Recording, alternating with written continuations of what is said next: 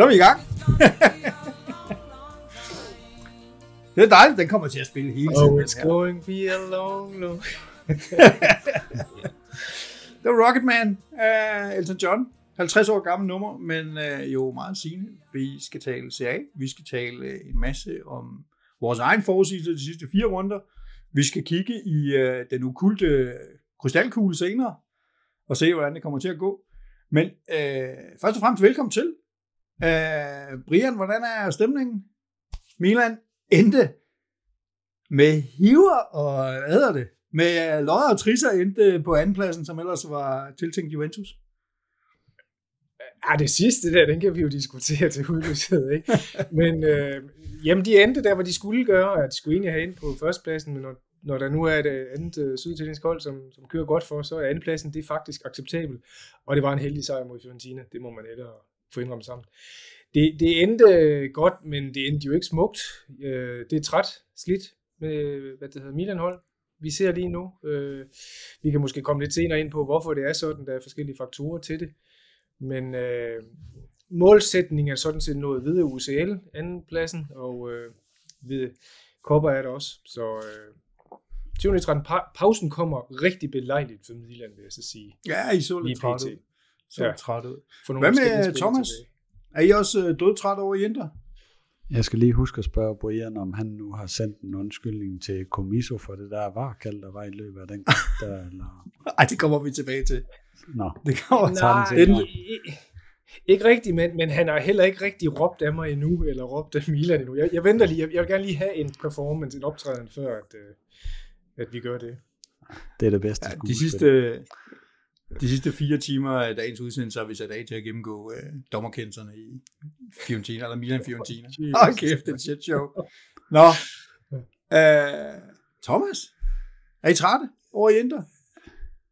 Ja, jeg tror da, vi er glade for pausen, men uh, nu må vi jo se den okulte kugle, der kommer frem senere, så, uh, Uh. så ser vi jo positivt på det hele.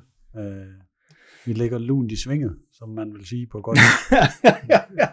ja, det er sat med noget talmagi, vi bliver præsenteret for der. Men det er godt nok.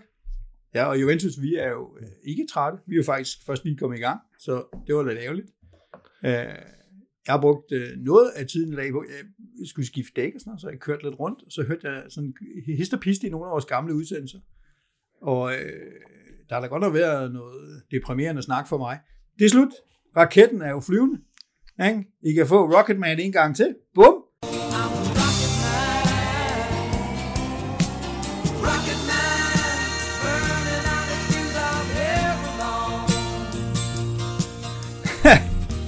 Det er er, det ikke, er, det, er det ikke lidt frustrerende at fyre hele raketten af ud i den store tomhed, der kommer nu med VM? Fordi at selvfølgelig er kommet længere op til vælge.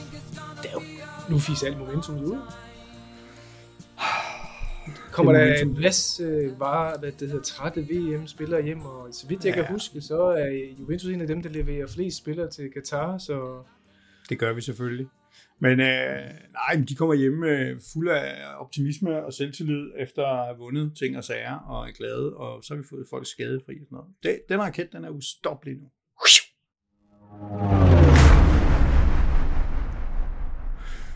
Håber jeg. Nå, øh, da vi sidste gang snakkede sammen, der så verden jo helt anderledes ud. Øh, og der havde vi manglet ved fire runder. Øh, og øh, jeg tænkte, jeg synes egentlig, vi skulle tage og kigge lidt på de fire runder, og så måske også øh, kigge lidt på vores egen øh, formåen inden for, øh, for det at, at give et øh, bud på det. Jeg har noget her. Sådan der. Kan I se den, dreng? Det kan I sagtens. yes. det kan vi nu, ja. Vi havde jo, øh, vi havde jo kampdag 12, øh, hvor Napoli øh, smadrede Sassuolo. Dem havde vi egentlig, øh, dem havde jeg tror jeg egentlig, jeg havde håbet på, at de skulle skaffe et uafgjort, jeg ved ikke hvorfor. Men ellers så var det sådan lidt en fæsende omgang, ind der vandt sikkert over Sampdoria. Øh, Lazio tabte øh, i Salernitana, eller hjemme mod Salernitana. Roma vandt øh, ude i Verona. Øh, Juventus vandt øh, en stensikker 1-0 i Lecce. Øh, Milan tabte i Torino. Det var vel i virkeligheden den store historie, Lazio og Milan Kan du huske Milan-kampen i Torino, Brian? Ja, det kan jeg faktisk godt, for den var fucking frustrerende. Det var sådan en rigtig bananskrald. Øh, al respekt for Torino, de er faktisk svært at holde spil mod. Det, det, det tror jeg, der er flere, der har ramt øh, panden mod muren der. Men det er sådan en kaos indianerkamp, og det er sådan en kamp, hvor jeg ikke synes, der var noget organiseret fodbold for begge hold. Og det, der tænker jeg umiddelbart, det burde Milan simpelthen være bedre til at gå ind og kontrollere sådan en kamp. Også mod et fysisk stærkt hold. Det var de ikke. Og øh, ja, yeah, kan jo diskutere hvorfor, men de gled i hvert fald i den første bananskrald der. Torino har jo været ganske godt kørende her på det sidste, ikke? Uh, tabte en ud af de sidste fem kampe, og slet ikke blevet den sådan prygelknap, man havde frygtet. Nej. Og så var der Lazio, der viste svaghedstegn hjemme mod Salernitana. Uh, jeg kan huske tidligere, vi snakkede om, om Lazio, og, og jeg tror, det var Thomas, der sagde det sådan meget op- og nedhold, og det må man da sige. Det er jo nok den nye sejball. Det er, ja, det er ikke meget sej. Hvor er det sejball hen? Den nye sejball. Den nye. Den, som er Allegri, Allegri ball. Som i virkeligheden, hvad det hedder, øh, hvad det for, for, forklædt Allegri ball, ikke? Ja, hvad siger du til dem, Thomas? Du har, havde egentlig kaldt dem som sådan noget lidt op og ned. Sådan lidt nat og dag. Øh, ja. jamen, så har de jo også i den her periode, de her fire kampe, har de vundet to og tabt to, og så, øh, så har de jo haft Immobile ude, øh, og havde Sakanji også ude, og jeg synes, øh, det er lidt alt efter, hvad der er, og om de to er med, om det er helt op at ringe, eller, eller ikke op at ringe. Men jeg synes, øh, jeg tror også, jeg har skrevet lidt på Twitter om det, det der med, at jeg synes ikke, der er noget sejbål over det, det hold overhovedet. Øh, mere, mere lidt et omstillingshold og venter på noget øh, smukt fra Sagai Milinkovic Savic øh, med en dybdebold eller et eller andet. Øh, de presser heller ikke sådan, som et sej hold øh, normalt vil gøre. Øh, Nej. Så de er lidt, øh, de er lidt nat og dag. Men den der kamp mod, mod Salernitana, det var, det var, en, det var en mærkelig kamp, men øh, lige pludselig så ved man jo, at Antonio Candreva, han dukker op, og lige pludselig så står der 2-1. var det der, hvor han havde det der fantastiske lop? Ja. Ah, det var et godt mål, mand. Ja, det var det. Det var eddermame et godt mål. Uh, ja, men Inter, Inter smadrer Sampdoria, men hvem, hvem smadrer ikke Sampdoria? Det er kun Juventus, der sætter point til mod, mod dem uh, i vores svage periode. Uh, men uh, vi havde sådan set sagt, der var ikke så mange bananskralder, der var så en til Milan der i runde 12, men så i runde 13, det var den, hvor vi havde virkelig store forventninger. Der var Derby della Capitale, der var Derby d'Italia, øh, der var en mere god kamp, ikke? Jo, øh, Napoli-Atalanta, hvor jeg også troede, at Napoli skulle øh, i hvert fald smide to point. Det gjorde de ikke, og vi kan jo lige så godt afsløre nu for eventuelle lyttere, at Napoli har ikke smidt nogen point overhovedet. De kørte fuldstændig igennem. Uh, men der var to andre interessante kampe, eller der var tre andre interessante kampe. Milan, Spezia, fik reddet den med det yderste af neglene. Ja, er det ikke... Uh, det, det, det var det sidste minut, ikke? Jo, det er sådan, det var en spidskompetence øh, jeg så også et sted med, jeg kan ikke lige huske procentsatsen, men en meget, meget overvejende stor procentsats af Milans mål er scoret i de sidste kvarter af, af kampene. Det kan jo tyde på mange ting. Det kan jo tyde på fysisk overskud i ja. virkeligheden, og pres, der kommer der. Ikke? Men, men det, øh, der kommer i hvert fald rigtig mange mål fra Milan i den sidste, sidste halvdel, sidste tiende del af kampen nu. Og det gjorde det så også mod Spezia. Ej, det var ikke... Det Hvordan var det der sub, hvad med det der subtop hipster-opgør, der, der var i Torino? Kampen om at blive nummer 8, som jeg tror, vi kaldte den sidste gang. Jamen, det var jo... Øh, det, jeg synes, det, var, det, det endte jo 2-0 til Juventus, og hurra for det. Men, men det, det er sådan en kamp, som jeg, hvis jeg skal være helt ærlig, mener godt kunne ende mange andre måder. Uh, og det tror jeg, Thomas måske vil give mig ret i, specielt første halvleg. Uh, var der var det Inter, der pressede på, og Inter, der skabte chancerne. Ikke sådan, jo, der var, var det ikke Dumfries, der besluttede sig for at sparke over fra 3 meters afstand? Han lavede en Gagliardini. Ej, Gagliardini er der aldrig nogen, der slår. Han var 20 cm fra stregen, da han sparkede over. Ja, Men ja, mini, det var en stor en. Ja.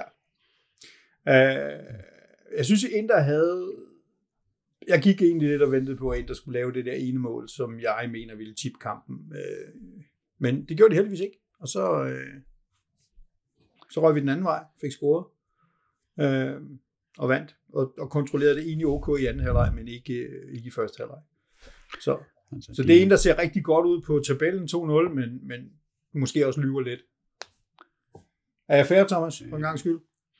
Ja, fordi altså øh, de kampe der, det er vel øh, ofte har vi set, at det er det første mål, der afgør det hele. Og jeg kan huske, vi gik til pause, og så står der de der 0-0, og så sad jeg og så den sammen med min knægt.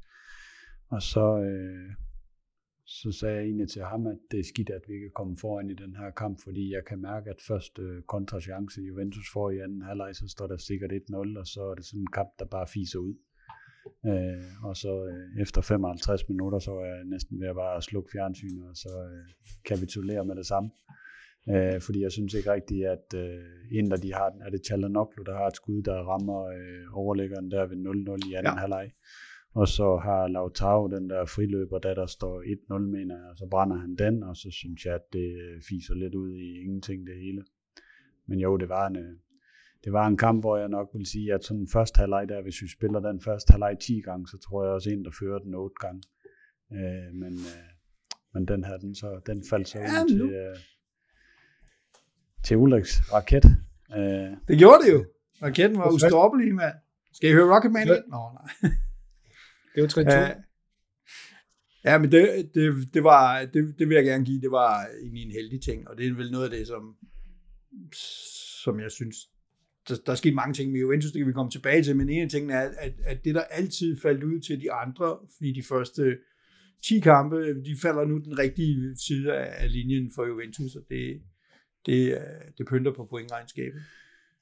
Vi havde uh, den der Atalanta-Napoli, den uh, runde der, den, uh, den ja. sad jeg så, og den vil jeg egentlig uh, sige om, at hvis man så sådan de første 20-25 minutter, der troede jeg egentlig, at nu, nu, nu falder Napoli, I har ikke uh, Kvaratskhelia med, uh, og de startede også rigtig dårligt, kom bagud på det straffespark der, og uh, Atalanta havde flere chancer også.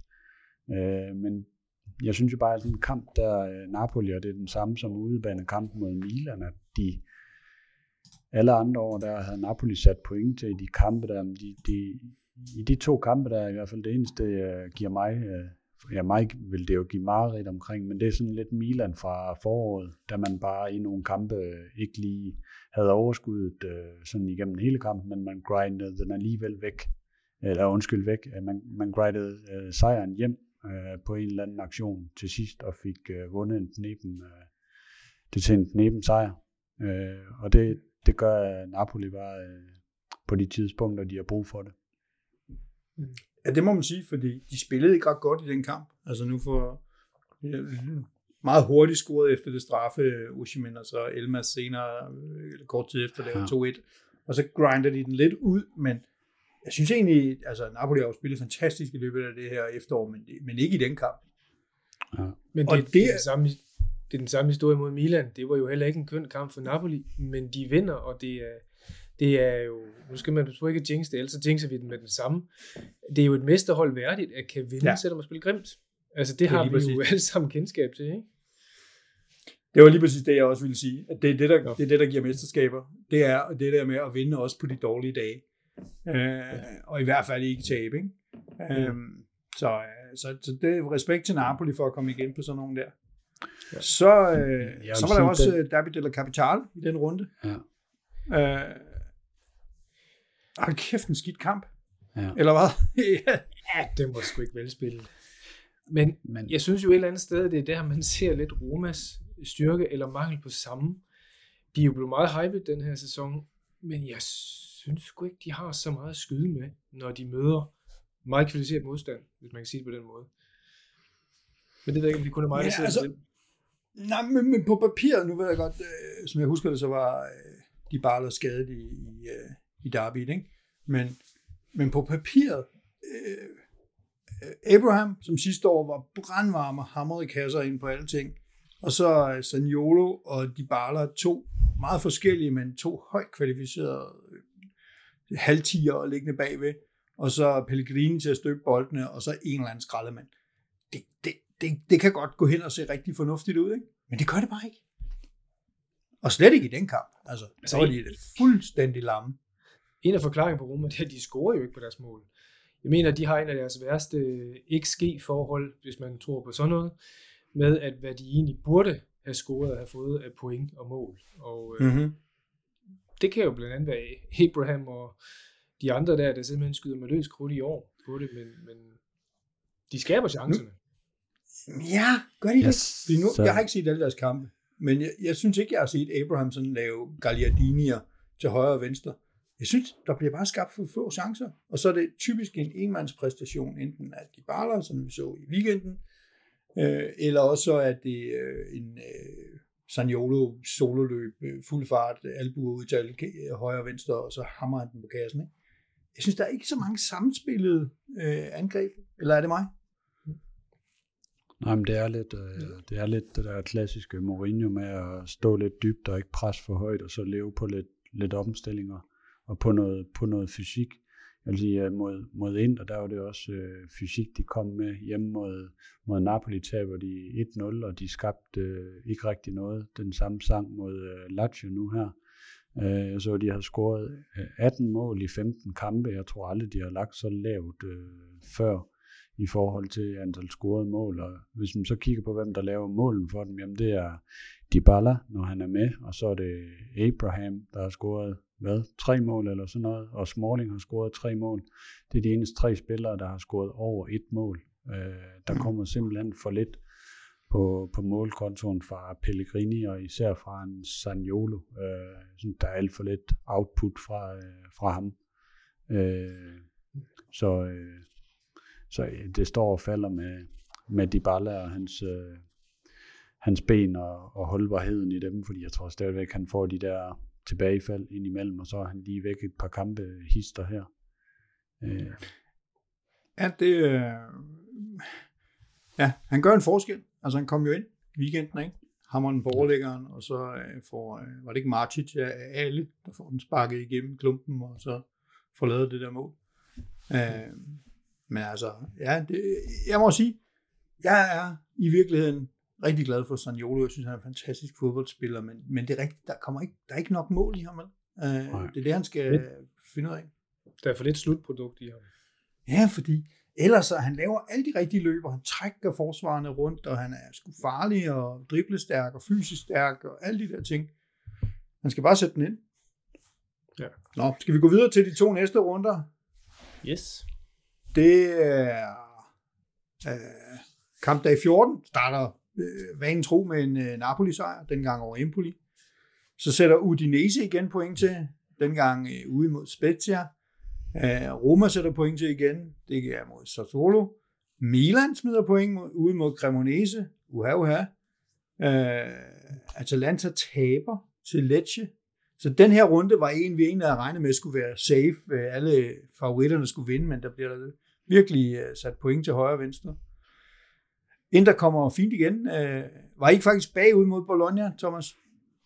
Jo, der havde været et par bananskaller i den runde der, så tænkte jeg derinde, da de kom bagud 1-0, at er det ja. sådan øh, aften, vi får nu, hvor at, øh, jeg kan ikke huske, hvem det er, der afslutter fra Bologna, men han rammer sin egen medspiller i ryggen, og den vil være gået 15 meter ved siden af målet, og så ender den over i det andet hjørne, så, så tænker jeg, det er en af de dage her.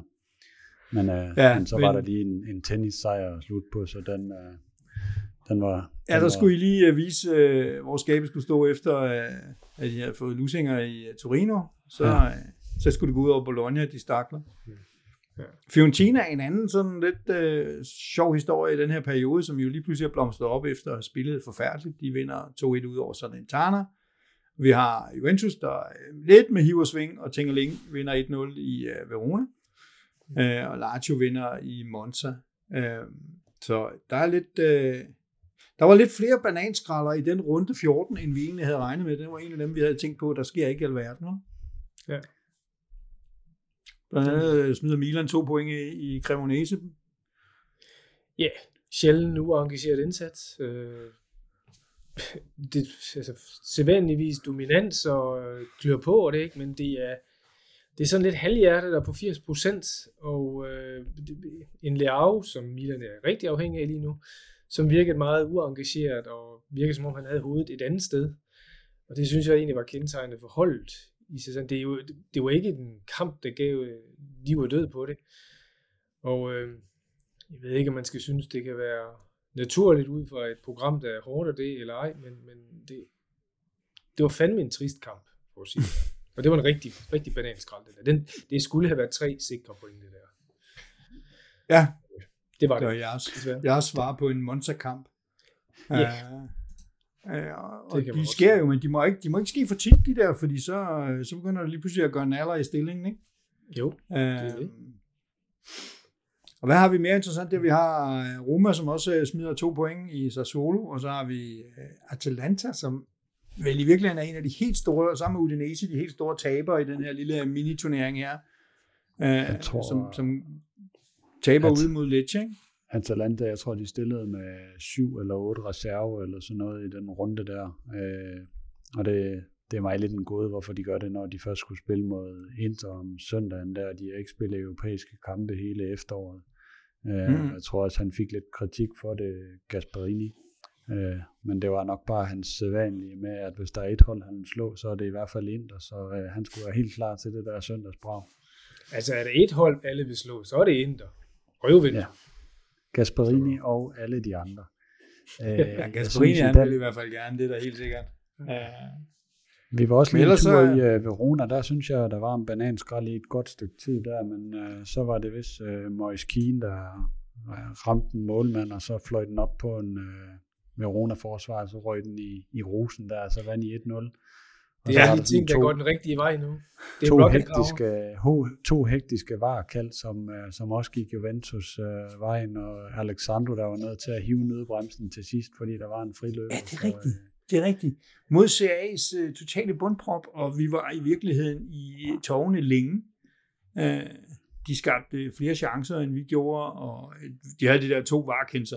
Nu tror jeg, at de fleste med forstand på det, og som har fået pulsen ned, godt kan se, at der ikke er nogen af dem, der er straffe efter bogen, men i kampen, så, øh, så, så, det, så så det vildt ud, og specielt den der Danilo-arm, der altså var bliver sparket op på hans arm øh, fra en halv meters afstand. Øh, øh, så, så der var virkelig, øh, der var i tårne, men det, det er igen det der med, en af, det er en af de kampe, som man går, altså i Monza-dagene øh, for 7-8 kampe siden, jamen, så havde vi måske tabt den.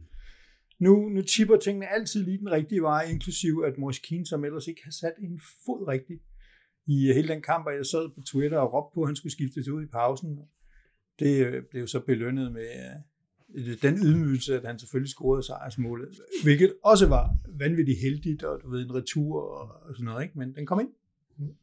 Der har været sådan lidt en dårlig øh, tendens med, at hver gang du har skældt ud på ham, Moise Keane, der, så har han scoret i de sidste to kampe, så kan du ikke godt ja. stoppe med det? Bare hold dig for Twitter et stykke tid. Ja, ja, nej, jeg, jeg, jeg bliver nødt til at blive ved med at hætte ham, fordi åbenbart så læser han med, og så tænker han, retter han lige ryggen og, og, og lægger et par pinde ind. Øh, så har vi andet at sige om, om, om runde 14? Nej, det var en runde. Lad os komme videre. Det var en, det var en rigtig god runde, sådan en uh, runde der, hvor der var rigtig mange bananskralder. Uh, Inter Bologna, der havde jeg faktisk lige en lille øh, hurtig fix kommentar til, fordi det var Skal sådan en kamp, høre? hvor at jeg var rigtig glad for uh, at slå Bologna selvfølgelig. Men uh, jeg ved ikke, om I så kampen, men uh, jeg fik simpelthen en flashback til Inter Bander era tiderne med Gary Medel, der løb rundt på Bolognas hjemmebane. Den gamle Inter superstjerne Ja. ja. på midten der. Uh, og han, de Inter får et lidt tyndt frispark til 2-1, som Di Marco han så øh, scorer direkte på.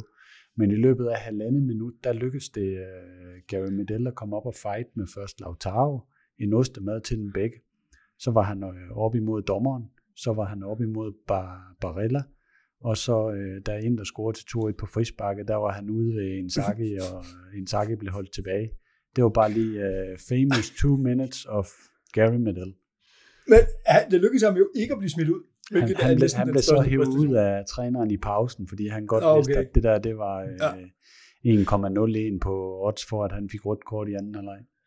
Nok, øh, Medel, er han fra Chile eller Colombia? Det er Chile.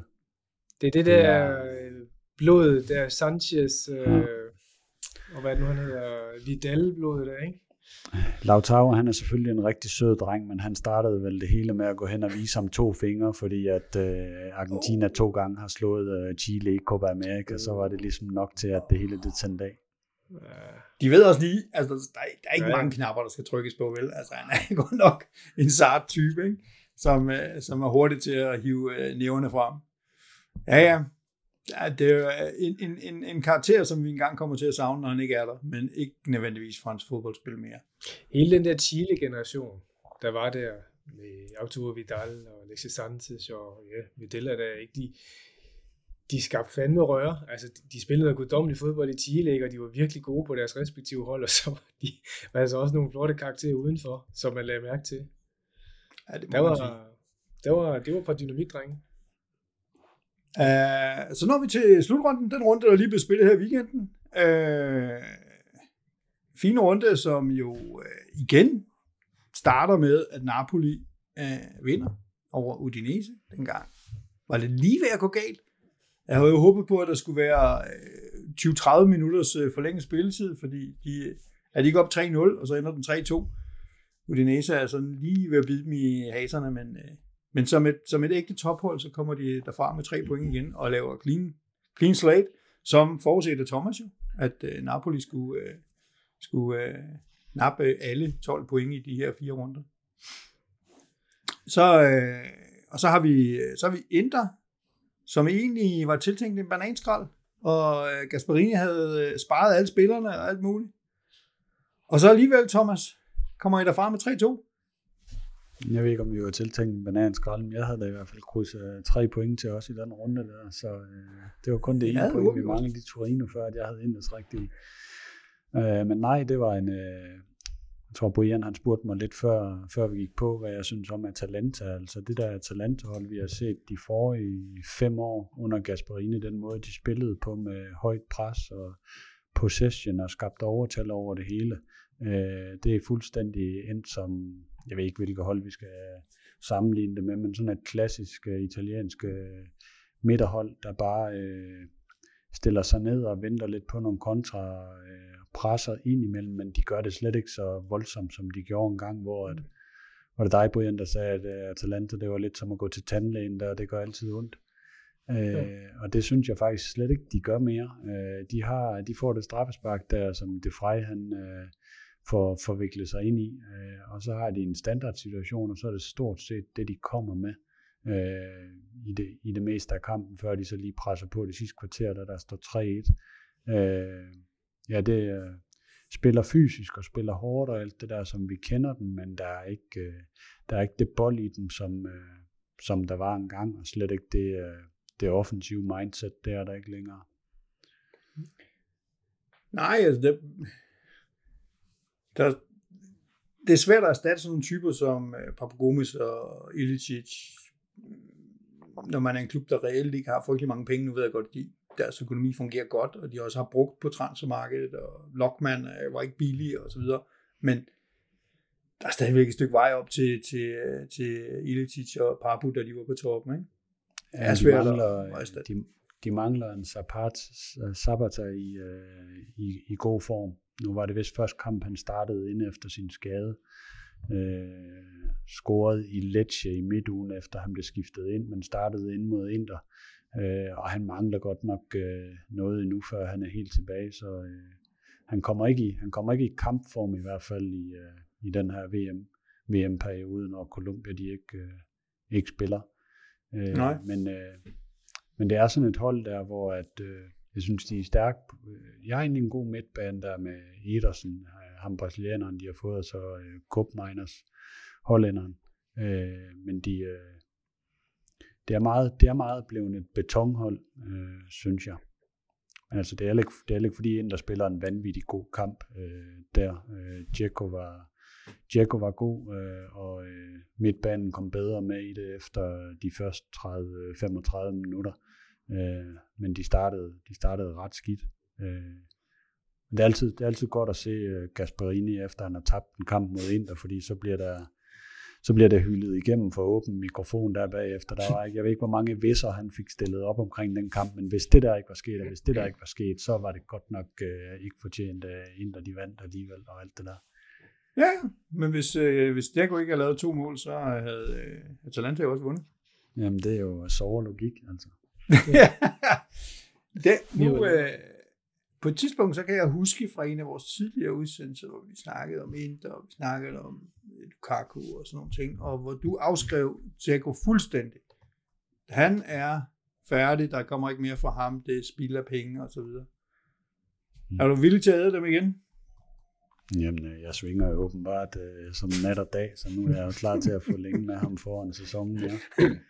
Men det, han, er, øh, han, er, han er lidt en spiller der, hvor at man altid, øh, jamen der, det jeg var træt af sidste sæson, det var, at han startede rigtig godt, og jeg synes, man havde forudset det, lidt det der med, at han var ikke holdbar over hele sæsonen, og foråret begynder han også stille og roligt at, at fade lidt ud. Øh, så derfor troede jeg her til sommer, at øh, og nu, nu er han helt nede som måske fjerde valg, fordi Lukaku han spillede jo hver kamp, og Lautaro vil også spille hver kamp. Øh, men så var der bare en bælge, der fik en skade stort set hele, hele efteråret, så, så må man jo bare sige, at han har leveret de gange, hvor han skal bruge, så man kan altid regne, regne med, at der kommer et eller andet for ham. Men det er, det er mest fordi, jeg synes, at Inter, de, øh, de mangler det der kontraspil for at have noget mere varians i deres spil, end de ja. Øh, har tilbudt her i efteråret. Men for en, øh, for en halvfærdig, gammel, dyr erstatning, så har han gjort det glimrende her i den her periode og lavet en hel del mål, ikke? Ja. 5-6 mål, han er blevet kommet op på, ikke? Det var det, jeg skrev. Han har scoret lige så mange mål som jeres 80 millioner euro indkøb der fra Serbien. Ja, det synes jeg var meget, meget urimeligt tweet. Ja. Med undret at svare på, fordi det var så Undskyld. Øh, unfair. Ja. Uh, vores 80 millioner, han har jo været skadet meget længe. I hvert fald her til sidst. uh, ja, men uh, det kan jo bringe os direkte til, åh, oh, hvad for en skal vi, hvad for en skal vi tage, hvad for en skal vi gemme? Der, vi lader os tage uh, Juventus Lazio først, for det er, alligevel, det, det er alligevel den mindst interessante af de to kampe, der er tilbage. Uh, kan man sige andet, end at Lazio bare blev kørt fuldstændig midt over, og taktisk udstillet? Allegri-ball mødte Allegri-ball, og Allegri-ball vandt. Ja, men nej, fordi Lazio prøvede jo et eller andet weird 4-4-2 diamant, og så skulle øh, det hele foregå ind på midten og småspil og sådan noget, men, men det var jo det var jo impotent på alle mulige parametre. Men sker der ikke det med Lazio, som der skete de andre år? Det er, at de, de spiller i virkeligheden ret godt mod midterhold og mod øh, submidterhold. Men når de møder tophold, så har de et kvalitetsproblem for at udfordre dem kraftigt siger jeg selvfølgelig, mens de vandt over, over Inter, og det er ikke, men jeg synes jo ikke, det, det, det var Inter måske heller ikke i den bedste periode, men, men jeg synes jo, det er kendetegnende, at de har et problem mod at tage de der sådan, fire hold, der er foran dem. Det, det, det mangler de altid at kan udfordre. Jo, men det tror jeg også bare er kvaliteten som sådan. Altså, yeah. Nu kom de godt fra land og holdt uh, buret rent længe og så videre, men nu uh, over tid viser de der kvalitetsforskelle sig jo, og det, der må man bare sige, at specielt uden uh, Immobile, så, så bliver det lidt en fesen omgang. Når det så er sagt, så, så har vi jo snakket om før, at de har jo selvfølgelig en kvalitetsangriber, de har en kvalitetsmidtbandspiller, og nu har de fået, jeg ved ikke om jeg vil driste mig til at sige en kvalitetsforsvarsspiller, men i hvert fald en forstærkning i deres forsvar med, med Romagnoli. Han har gjort noget godt på sigt. Det kan så ikke godt ud mod, mod Juventus, men, men i, i, i sæsonen, som vi har set indtil nu, så har han da klart forstærket det forsvar. Ja, og, og, og en glimrende målmand. Øh, nu gik der tre ind i, i søndags, men, men ellers så er han jo egentlig en glimrende målmand for et fuldstændig ubeskrevet blad, som vi sad og, og bladrede rundt på internettet for at finde ud af et eller andet om i sommer. Ikke? Hmm. Øhm, ja. så, men nej, jeg synes, jeg synes, det udstiller noget af Saris problemer.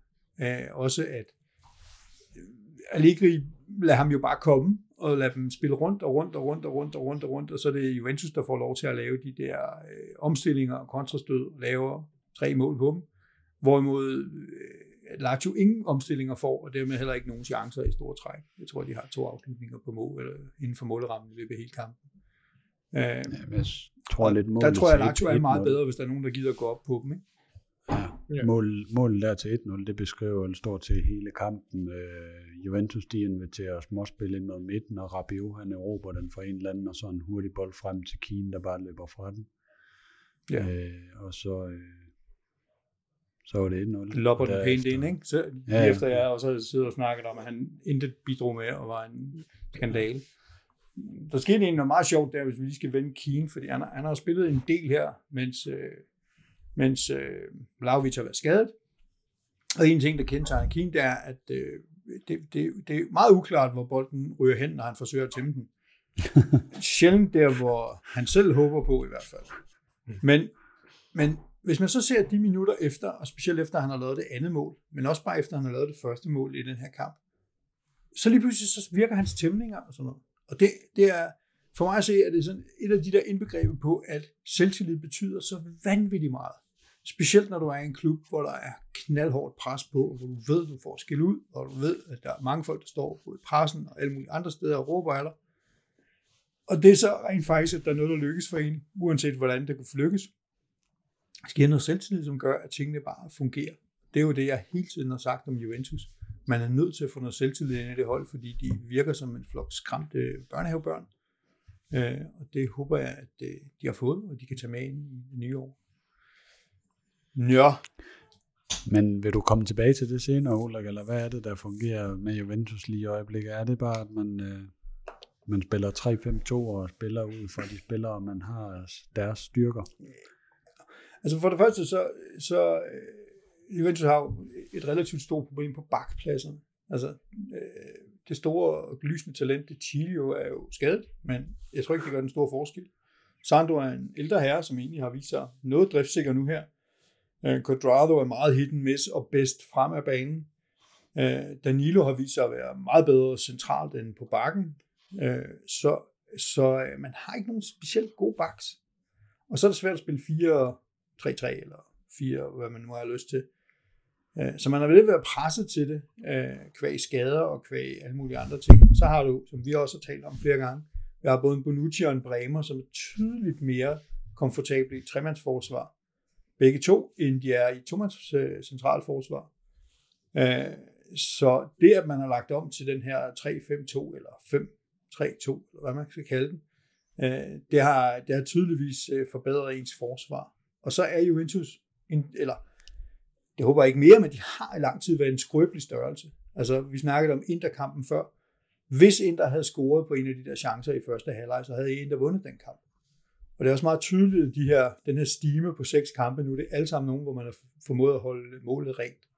Og så har man scoret et enkelt mål, og nogle gange øh, lidt flere, men ofte et enkelt mål. Øhm, og, og, og det er et skrøbeligt hold, som ikke kan tåle at komme bagud, og som dermed ikke rigtig har noget svar. Plus at hvis man kommer bagud, så skal man op og tage ansvar for spillet, og man skal etablere et, et egentligt angrebsspil. Og det er Juventus stadigvæk ikke specielt gode til. Så det med at kunne lukke af og stå meget kompakt i sådan en 5-3-2 med en fungerende midtbane, og så løbe kontra, øh, eller i hvert fald lave omstilling og spil, hvor de andre er lidt ude af balance. Det, er, det har været opskriften her det sidste stykke tid. Det fungerer fint. Så har nogle af de unge drenge, Fagioli og Miretti, jo vist sig at, at, at, at have lidt driftsikkerhed Øh, i en periode, hvor, hvor McKinney har været ude, og Paredes har været ude, og Ja, vi ved alle sammen, hvor Pogba er. Han er på Instagram og ikke andre steder.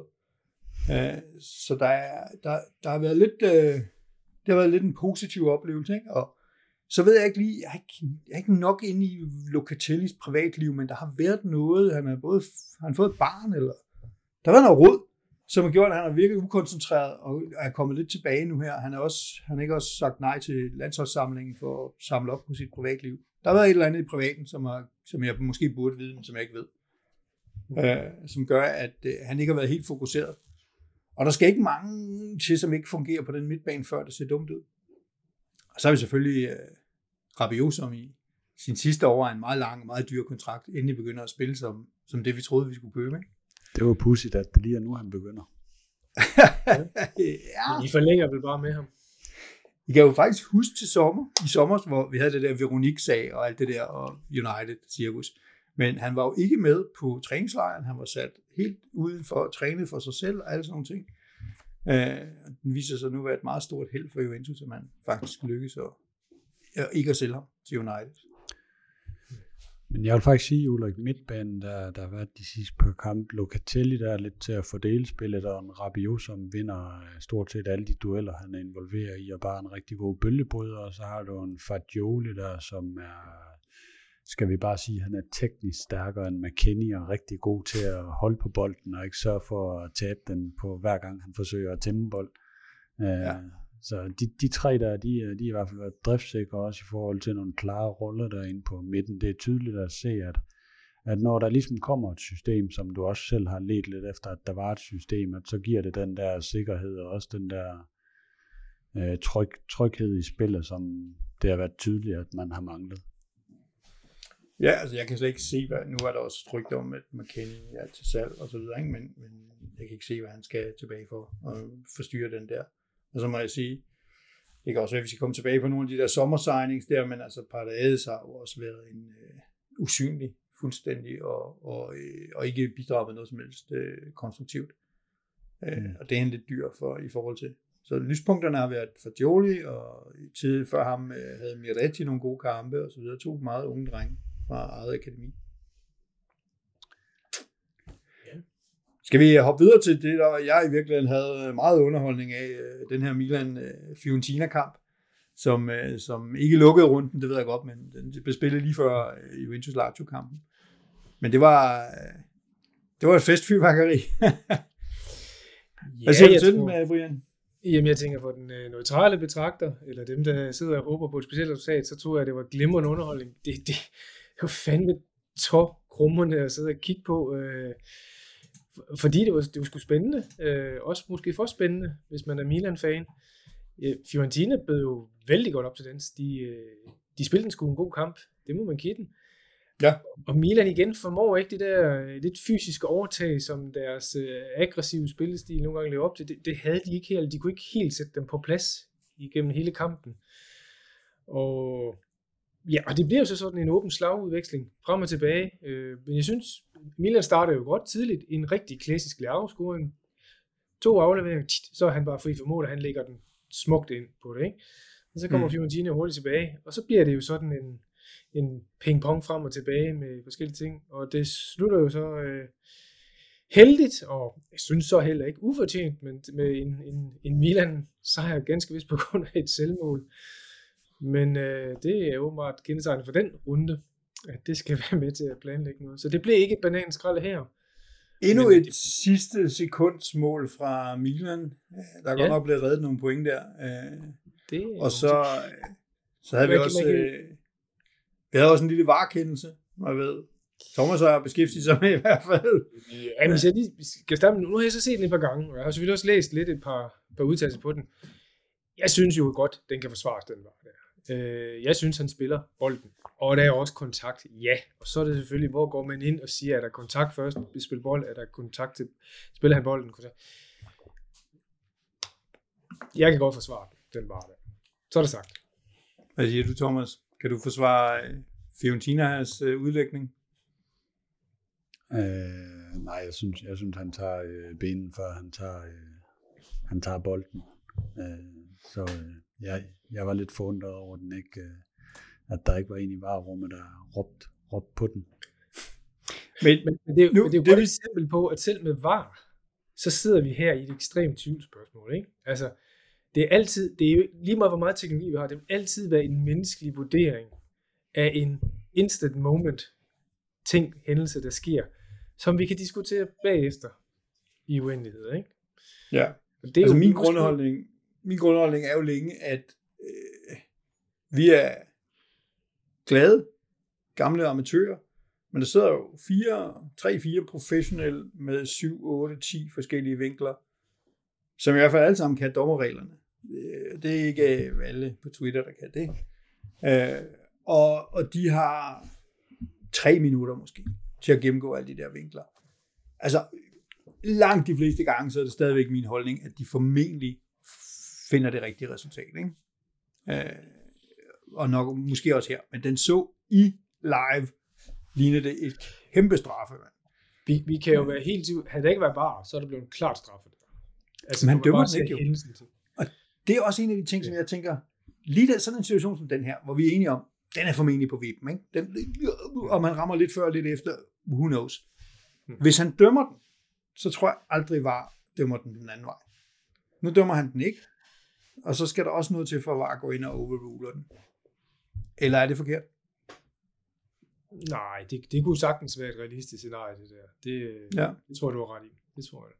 Men han dømte den ikke. Ja. Og så til gengæld, jeg synes jo, at Fiorentina faktisk, folk tjener meget ros for kampen. De spillede virkelig op til dans, og jeg synes også, de i perioder var, var det klart det farligste hold. Øh, Sig Milan har så meget at komme med i anden halvleg. Og så... Øh, altså det er jo sjældent, hold har, det er, det er sjældent hold har mere possession imod Milan. Øh, det er vel kun Napoli, så vidt jeg lige kan huske, som, som har det. Det har Fiorentina. Så ved jeg om nogen af possession without penetration, det er lige med træls og frustration. Men, men jeg synes jo også, de, de kommer jo også frem til chancer. At de så ikke bliver udnyttet, ja. det er jo, de har jo ikke på overlæggerne, det er jo sådan noget helt andet. Men, men øh, jeg synes, de, jeg synes, de, de spiller de, en rigtig, rigtig, rigtig god kamp, og som er en... Øh, så i, en, i en periode, hvor de, hvor de bare voksede, ikke? altså kan jeg ikke huske mm. for 5, 6, 7 kampe siden, så sad vi og tænkte, det her Fiorentina, det ender jo af helvede til. Ja, nu ligger de jo ikke sådan specielt godt i, øh, i, i tabellen, for ellers vil jeg sige, at de kan godt, tror jeg, overtage øh, Atalantas øh, status, som at gå til tandlægen med dem, fordi at de, de er fandme et træls at spille mod. Ja. På det. Altså, de vundet tre i træk lige op til, lige op til den øh, kamp, som, øh, hvor de så ja. taber mod jer. Og det skal vi, det, altså, hvad fanden sker der for den målmand? Er der nogen, der kan forklare mig det? Der kommer et svævebold, og, og der er ikke engang nogen, der sådan rigtig angriber Chiro dækket op og sådan noget. Og så, det ser ud som om, han skal være der på vejen ud, eller et eller andet. I hvert fald så er han jo meter væk fra at gribe den bold, som så bare dumper ned og rammer Milinkovic og går ind. Jeg forstår slet ikke, at der er nogen, der kan diskutere, at den skal gå til var, og der skal være frispark til, til Racciano, fordi det er jo 100% hans egen fejl, han laver den. Rebic, han øh, kigger på et indlæg, der kommer fra siden, og han kigger ikke på målmanden overhovedet. Øh, og han er jo først, det er jo, det er jo til Racciano, der søger Rebic, og ikke omvendt. Øh, så den var jeg ikke, den, den kunne jeg slet ikke forstå, at de brokkede sig over den der. Øh, det Men var der kontakt? Ja, der er selvfølgelig lidt kontakt, men ikke mere end at, øh, at det er ham selv, der skaber kontakten ved at hoppe ud og være på skovtur. Ja, ja det må I man min, sige, det er noget af en skovtur. Og det har Fiorentina har prøvet før. ja. Men lige i forhold til Fiorentina, jeg synes de, øh, jeg tror ikke helt, er et hold, der kan svinge sig op til at ramme Atalanta-niveau, men måske i forhold til det der med, hvor træls de er at spille imod. Jeg synes jo, de spiller øh, de spiller godt, men de er bare ikke kyniske, hverken bagud eller, eller fremme. De mangler lige, øh, de mangler lige ham bomberen der, de, øh, de solgte til, mm. til Juventus øh, i januar, øh, fordi de kommer frem til rigtig meget, og de øh, på possession-listen, der ligger de også to øh, efter Napoli, og de er, øh, de er rigtig gode til at skabe, skabe overtal rundt omkring på, på banen. Jeg sad sådan under kampen og tænkte, jeg kunne rigtig godt tænke mig at se ham Italiano der med det bedste materiale i Serie A, og, og være ham, mm. eller at han var træner for, for det hold, for det kunne godt ende med sådan noget Sarri-agtigt noget i Napoli-dagen. Øh, for det er, det er god fodbold, de spiller. Okay. Og som bare tage hatten af for sådan en som Amrabat, ikke? Ja. Har måske haft et, en periode, hvor han ikke har været så dominerende, men den der kamp, der var han bare her og der og alle vejen. Ikke? Det var ham, der skulle styre spillet, det var ham, der skulle samle op som en Brozovic, det var øh, ham, der skulle takle som en Rabiot, altså han lavede alle rollerne. Øh, det var meget imponerende. Der var mange vi... spillere, der, der, der ramte dagen der, det må man også sige. Så er der også et par Milan-spillere, der ikke nødvendigvis ramte dagen, men summa summarum, det var sgu en flot kamp. Og endnu et øh, sidste øjebliks øh, sejrsmål øh, for, øh, Trademark. For Trademark. Det er, det er imponerende. Ja. Vi havde jo gættet på den her jeg stilling. Jeg vil godt lige have lov at sige, ja, at jeg snakker om Milan i dag. Jeg plejer jo altid at have lidt godt, uh, lidt godt for posen der, men der er ikke noget, noget Charles. Jeg har ikke noget Charles de Ketelarte eller noget. Men de sidste tre kampe, jeg har set Milan, der jeg synes godt nok, der er meget, der står og falder med, at Leao han har en god dag eller ej. Uh, jeg synes, de der hold, de møder, der står lidt lavt som Spezia-kampen og Cremonese-kampen, at, at de har lidt svært ved at skabe noget i, uh, i possession og i deres, deres opbygning, der, øh, der venter de lidt mere på at råbe en bold et farligt sted, og så hakke den i dybden til Leao, eller det er ham, der laver et eller andet uh, one-man one man show. Uh, så jeg tror, de skal... Jeg tror faktisk, Pioli, han er den træner, der er gladest for at gå til pause nu af, af næsten de fleste trænere, fordi de, de etablerede spillere, de ser lidt uh, slidt ud efter det her vanvidsprogram, der har været. Jamen, den, den, det tror jeg, du har fuldstændig ret i. Jeg deler din analyse. Og jeg, jeg, jeg kan jo supplere det med at sige, at jeg synes jo, det samme gælder lidt for Theo. For Theo er jo også en, en hypervigtig spiller i, i den energi og det initiativ og engagement, som, som Milans spil kommer med. Jeg synes også, han har set lidt, lidt slidt ud på det. Og så dertil kan man så sige, at de spillere, som øh, var tænkt, som skulle kan gå ind for bænken og supplere op på det der energispil, synes jeg også faktisk har, har skuffet. Øh, jeg er ikke så skuffet over Charles de Catelaire, fordi at, når man ser lidt på, at han har boet hjemme ved, ved mor hele livet, nu flytter han til storbyen Milano, det, det ville være et kulturchok for ham. Det, jeg regner ikke med. Men Origi, en etableret spiller, nej, ikke et, etableret spiller fra, fra Liverpool, ganske vidt reservespiller der ikke, men jeg synes simpelthen ikke, han har leveret nok. Han har prøvet, det skal han have. Det er ikke, fordi han ikke øh, prøver. Jeg synes bare, der kommer for lidt ud af det, han leverer, når man tænker på, hvad han kan. Han har en okay teknik, han har en god fysik, han kan score mål. Han burde sgu da være nemt ved at komme igennem special af de andre dage. Men, men jeg synes ikke helt, han, han klikker med dem.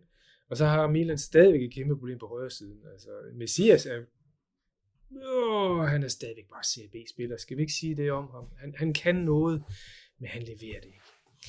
Så altså bænken for, for Milan er bare ikke helt på niveau med, med, med A-kæden på det til det, så øh, men alligevel så skraber de jo de nogle små point sammen på det der. Men det er jo det er ikke kønt, og det er ikke overbevisende.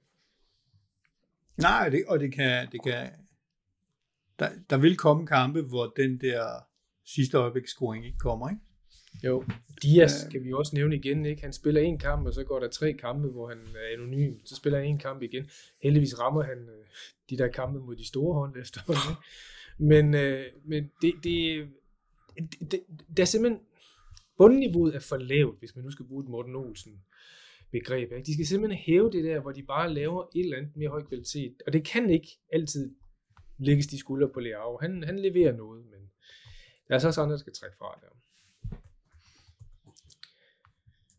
Ja. Kan I huske, at vi lavede forudsigelser? Ah? Kan I huske, at vi snakkede om, hvordan skulle det her ende? Uh, og dem Trommevivl. har vi fået en afgørelse på. Jeg har klippet for vores egen interne, interne øh, kommunikation her. Der viser det jo, at Thomas, Thomas har opgjort det, og jeg har vundet. Du, Skal vi høre Rocketman? Du lavede den der før, at konkurrencen gik i gang, ikke? Nej, nej, nej, det er Thomas. Jeg har en dato på også oven i købet. Nej, det er altså det, ikke Men den kom det i går. Værste, det er den værste omgang Moggi, jeg nogensinde er blevet udsat for det her. Det er så meget klippet klister, så det er helt forfærdeligt. Ja. Altså, jeg kan bare sige, det der, det er et ægte screenshot, som siger, at hvis vi kigger på top 8, så har jeg ramt 4. Uh, Brian har ramt 3, og øh, Thomas han kunne snige sig op på 2 rigtige. Så det kan ikke være andet et spørgsmål, end at uh, Rocketman... Hvem er det, Hvem er det der laver krystalkugle lige om lidt? det er Thomas.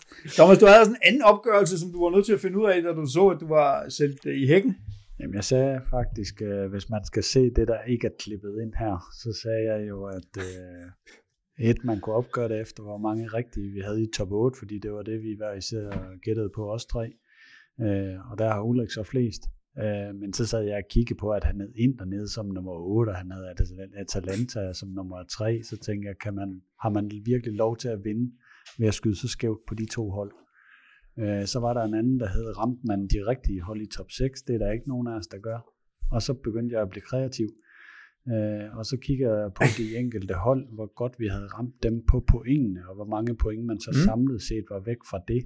Og der var der jo så vist lidt, hvis du tager et andet udsnit derfra, og lille slag øh, skriv, Ulrik, så, så er der vist en anden, der havde ramt tættest på det hele. Det har jeg slet ikke, det har jeg ikke fået med. Uh, jo. Men, uh, Thomas, hvor mange beregningsmetoder var du igennem, før du nåede den, der gav dig ret? jeg nåede tre, og så tænkte jeg, at treeren, det må være den rigtige. Så stoppede jeg.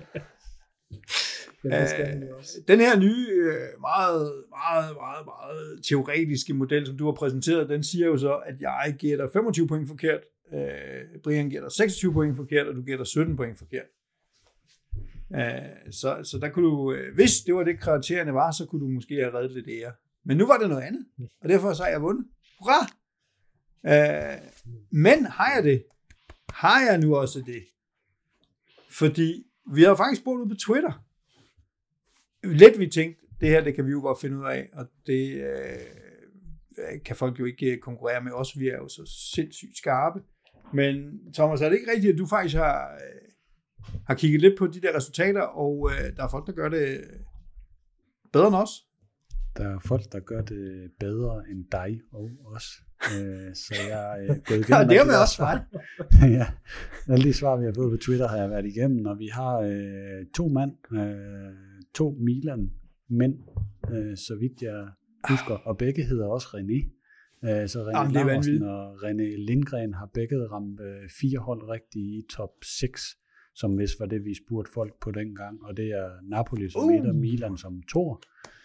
Lazio som nummer 4 og Atalanta som nummer 6. Øh, så, øh, så det er vist dem af alle Det er- helt rigtige. Vi havde en, der var helt i spil til sidst, og det var Chris Kaiser, vores gode mand Åh, ja. fra Napoli, der altid er vant til at vinde det hele i øjeblikket åbenbart. Øh, og hvis Juventus Lazio var sluttet uafgjort, så havde han ramt alle rigtige i, øh, i top 6. Men sådan endte det desværre ikke. Aldrig har han været For så langt væk vi at få den sejr. Men det er rigtigt, så har han bare siddet med det hele, bum, i skabet, og vi har så nægtet at optage. Ikke? Eller vi har fundet på noget andet end det her. Vi kan ikke have, er- at... Men vi er enige om, at man kan, ikke, man kan ikke vinde den her konkurrence og Scudettoen. Nej, nej. Så han måtte Okay, nej, det er selvfølgelig rigtigt, fordi det er to Milan-folk, der har vundet, ikke? Det er René Lindgren og René Laursen. Det, det, det, det. Der var du hurtig? Der var du. Tillykke til dem. Det er super godt gået, og øh, fedt, de følger med derinde. Og vi øh, skal nok selvfølgelig øh, øh, anerkende deres glimrende, glimrende gæt inde på, på Twitter. Så hvis man ikke øh, er på Twitter, og hvis man, øh, så kom på Twitter for helvede. Øh, og øh, hvis man er derinde, så skal man følge de tre senatorer, hvor alt det her sjove øh, fis, det foregår. Det var sådan set, jeg har et slide mere, men det er en helt anden boldgade. Øh, og det er i virkeligheden, øh, hvem skal til VM? Skal vi tage det før eller efter krystalkuglen? Lad os tage VM nu, fordi så kan du lige dele begge ting. Jeg tror, du er bedre til at dele fra din skærm øh, for dem, der ser med på, øh, på YouTube. Yes. Øh, så hvis du starter med VM-ting, så kan vi jo snakke lidt omkring Jeg finder lige VM-tingen et eller andet sted her. Bum, der var den. Det vi har to kigget lidt sekunder. på der, det er jo, hvor mange spillere fra top 8 holdene, der skal en tur til det fantastiske land Katar, som alle lyttere vel bare sidder og glæder sig til at se VM fra. Øh, med alle deres øh, Ja, fans, besøg. fans fra Det virker så alle gæstfrit. mulige sjove lande, der er klædt ud som øh, argentiner og tyskere, og jeg ved ikke hvad. Ej, altså, hvad fanden var det for Ja, noget? hvad sker der for de videoer der? Altså, de der, altså, Jeg, jeg synes, den største grine, det var den der med de engelske fans, hvor, hvor der er sådan tre inder, der går rundt med de der trommer, Ja. ja. der spiller på. Jeg tænker, det har der aldrig haft noget som helst med England at gøre, det der. og så ellers danser venligt omkring, og høfligt, og hilse på pressen og sådan noget. Det er heller ikke Og noget, skal hooligans at gøre. sprit nye trøjer.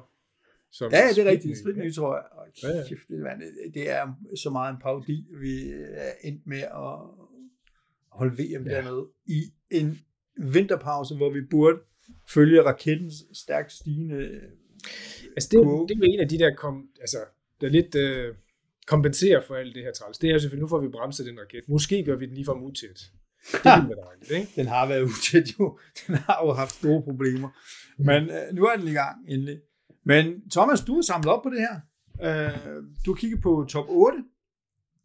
Ja. Og øh, hvem, skal have, hvem skal have spillere til, med til VM? Øh, Udinese, de har ikke nogen. Så de kan træne fuldt ud, som de har lyst til. Øh, Lazio har to afsted. Vicino og Milinkovic Savic. Øh, det jeg skulle lige så sige, det klarer de godt, men det Milinkovic Savic er en vigtig brik for dem. Ikke?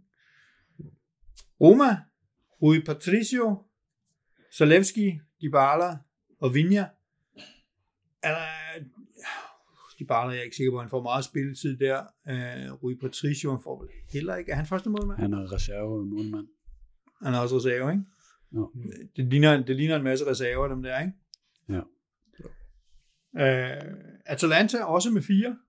Pasalic skal nok få lidt spilletid. Mæle får helt sikkert spilletid. Derun og Kopminers. I don't know.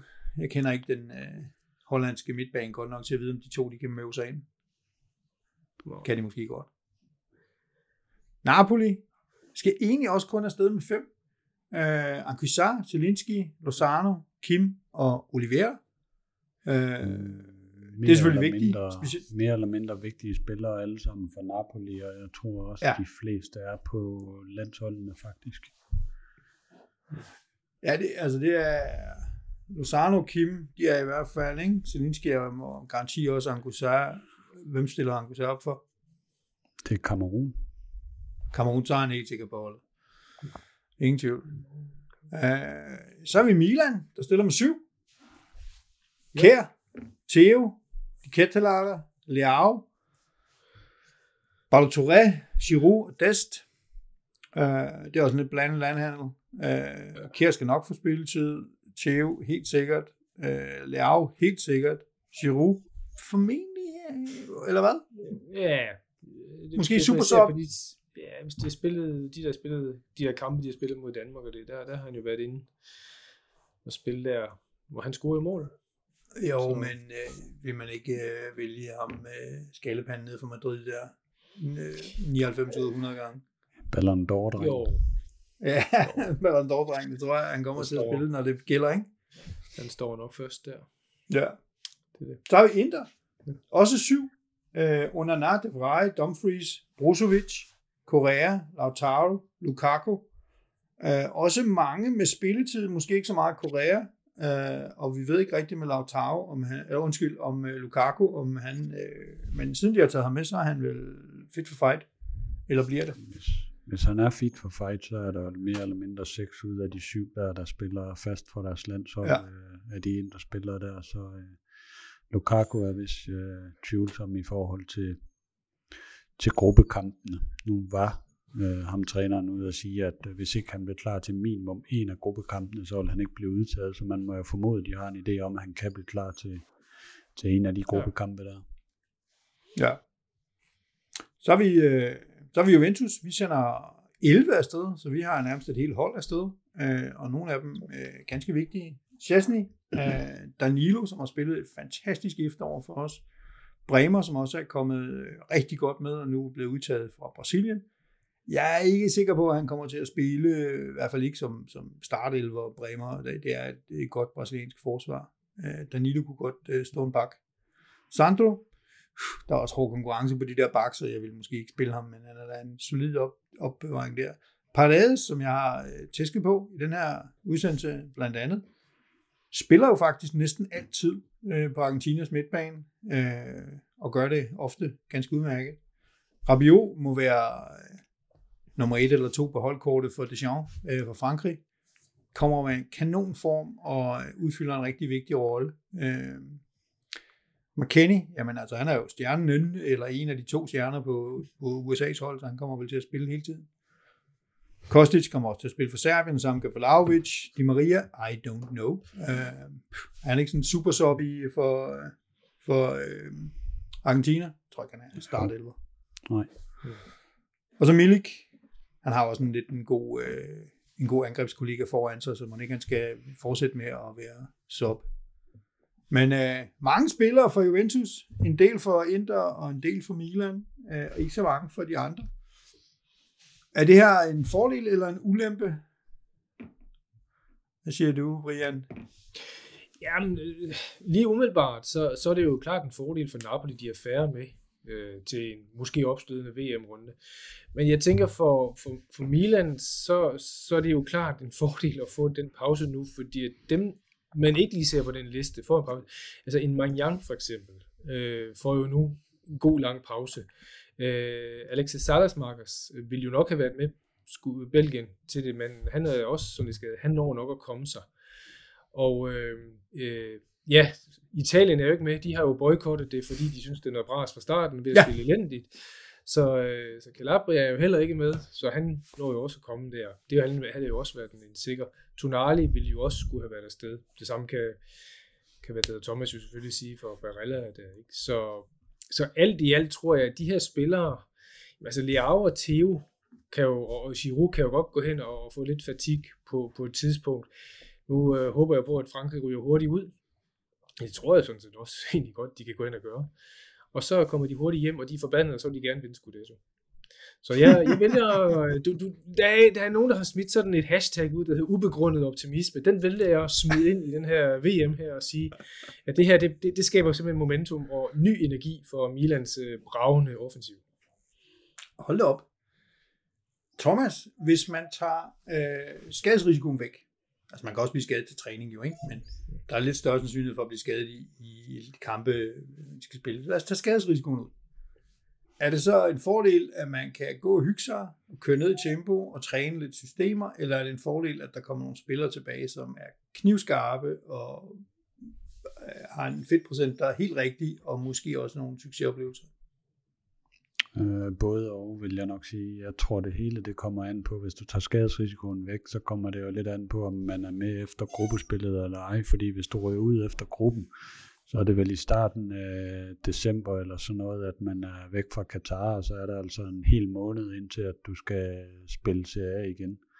Øh, men kommer du langt i turneringen, og den slutter der den 18. december, øh, men det er jo selvfølgelig de færreste hold, når du er nede på en 8 land til sidst fra kvartfinalerne og frem, øh, før du er i øh, sådan op imod midten af, eller start midten af december øh, så det er jo stadigvæk, så har det jo stadigvæk lang tid, øh, en 3-4 uger indtil CA starter igen. Så jeg gik egentlig sådan i lang tid og troede, at det der VM, det fik kæmpe betydning. Men jeg synes, det er sådan lidt både over, om det får betydning eller, eller ikke får betydning. Det kommer lidt an på, hvor langt de kommer. Men ja, man mm. kan så også sige det der med, at nu har vi nogle italienske spillere, der, der går derhjemme. Øh, de fleste af holdene her. Øh, og så har vi eksempelvis også en, øh, øh, Pogba, Chiesa øh, for Juventus der, mm, har de, de er ved at være klar igen. Nu mangler de så noget kamptræning. Har de, de kunne potentielt godt have haft noget ud af et VM ved at spille og komme i kampform, for du kommer ikke mm. i fit kampform er at gå derhjemme på et træningsanlæg med knap en halv trup øh, fra Juventus og få noget ud af det. Så sådan en som Allegri, han har jo ikke ret meget andet, end han kan tage de der sidste 7-8 spillere i truppen, og så en masse træningskejler af de unge øh, ja. og, og træne med, og så dem, der har lidt færre øh, spillere af stedet, de har mere en trup, de kan arbejde med, og nogle træningskampe, de kan få noget ud af i løbet af december.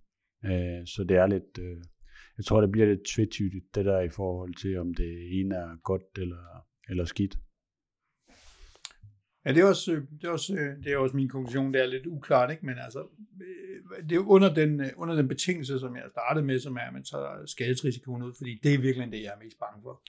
Ja. Ned og spille på et eller andet knoldespark og græs mod, I don't know, Marokko, eller et eller andet pishold. Ja. Så bliver man skadet, ikke? Jeg tror jeg faktisk, at Marokko er et relativt godt hold. Jeg har lige rost Amrabat. Sorry, jeg kunne ikke finde nogen andre, der var der. Sydkorea, eller en pis, der, der kommer til at, at, at, at brække en til to, eller et eller andet. Ikke? Jeg er virkelig ja. nervøs for skaderne. Det må jeg, jeg har lavet min strategi for det der VM, det er, at jeg, øh, jeg holder selvfølgelig øje med Danmarks kampe, øh, men så, øh, så kigger jeg lidt på den gruppe der, øh, hvor øh, du har øh, gruppe F, Belgien, Kanada, Marokko, Kroatien, fordi der har vi noget, jeg, jeg kalder den Inter Reunion-gruppen med Brozovic, Perisic, der møder øh, Lukaku og Hakimi fra Marokko der. Så det bliver en, øh, det bliver en sjov en at, at følge med i.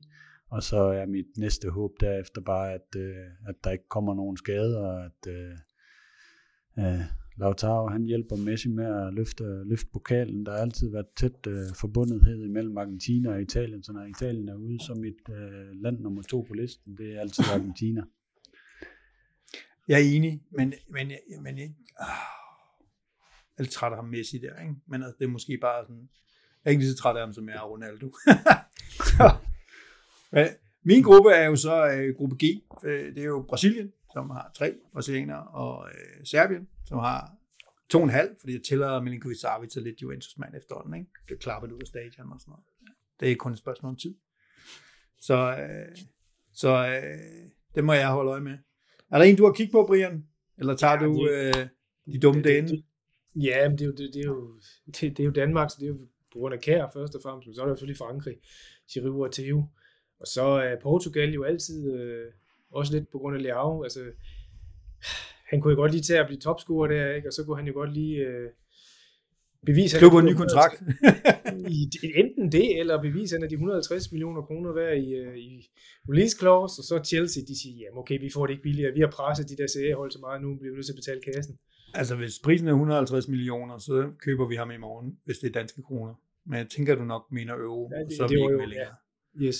Ja. Så er vi ikke med længere. Det er en lidt anden giftig sag. Ja. Skal vi sige mere om det her? Jeg, jeg synes, det er uklart, om det er en kæmpe bagdel for Juventus, at de har 11 spillere med i forhold til det. Jeg er mest bange for skaderne. Men ellers så tror jeg egentlig ikke, det er noget, der sådan handicapper dem. De skal nok få ferie alle sammen. Jeg, jeg tror, ja, jeg tror også et eller andet sted, så øh, folk har gået og enten set frem eller frygtet den her turnering. Altså vores, vores turnering er jo også fremskyndet, øh, øh, hvor de ikke har haft så meget øh, sommerferie i, i nogle turneringer sådan set rundt omkring, så det har jo været presset program på det. Jeg tror bare egentlig, folk der, så nu kommer de i gang, og så 7 i 13, ingen skader, altså det håber vi jo ikke for nogen hold, at mm. de får på det. Men, men nu er vi i gang, og så må man få det bedste ud af det, og nogle hold kommer før hjem andre, og så bliver næste udfordring det at holde sig i gang, indtil vi starter op igen. Lige præcis. Vi har, øh, vi har en ting mere på, på, øh, på menuen, inden at vi øh, måske lige skal kigge frem til vores egne planer her øh, den i øh, juleperioden, eventuelle julegaver, vi har der. Men vi har lige én ting. Det er jo kulte hjørne. Øh, den, øh, det mystiske hjørne. Øh, Thomas' øh, krystalkugle. Og den kommer på skærmen der. Thomas, hvad hulen har du nu pillet ved? Jamen, øh, der opstod et stort ramaskrig i går i vores interne gruppe, der da jeg lige pludselig sendte noget afsted. Der var ikke, øh, der var ikke ord for, hvor, hvor skævt jeg var på det hele, og så tænker jeg, jeg, jeg kører den fuldt ud. Så nu har vi i halvanden måned hørt på den der zebrastribede øh, raket, øh, som Ulrik han har sendt afsted. Øh, det er gået meget godt. Øh, den blev lige lanceret, vist lige op til kampen. I tabte i, øh, I tabte i Milan der, men siden da, så, øh, så har den været stødt stigende. Men som ja. alle ved, så, øh, så er der også nytår lige om lidt, og der er nytår inden, at vi øh, skal spille Serie A igen.